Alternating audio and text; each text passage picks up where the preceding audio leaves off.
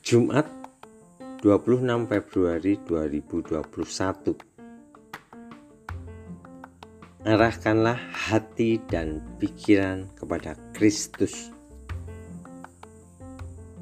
Bacaan Alkitab Filipi 3 ayat 12 sampai 14 Kita mengenal bagaimana Paulus dan bagaimana latar belakangnya ketika masih menjadi cendekiawan Yahudi.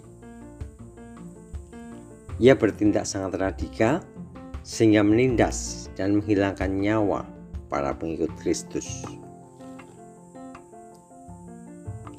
Namun, ketika ia menjadi rasulnya, Paulus tidak lagi mengingat masa lalunya ia mengarahkan pandangannya pada Kristus dan melayaninya. Sobat teruna, setiap orang pasti memiliki masa lalu yang baik maupun yang tidak baik. Ada yang dapat melupakan masa lalunya, sebaliknya ada juga yang hidup dengan dihantui masa lalunya. Sebagai contoh, seorang yang ketika masih anak-anak sering dipukuli orang tuanya dengan gulungan koran.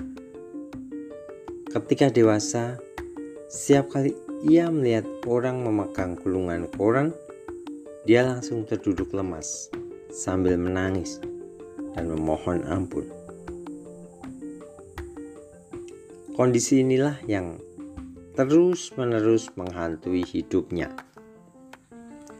Sobat teruna, mencontoh kehidupan Paulus, belajarlah untuk membebaskan diri dari trauma masa lalu.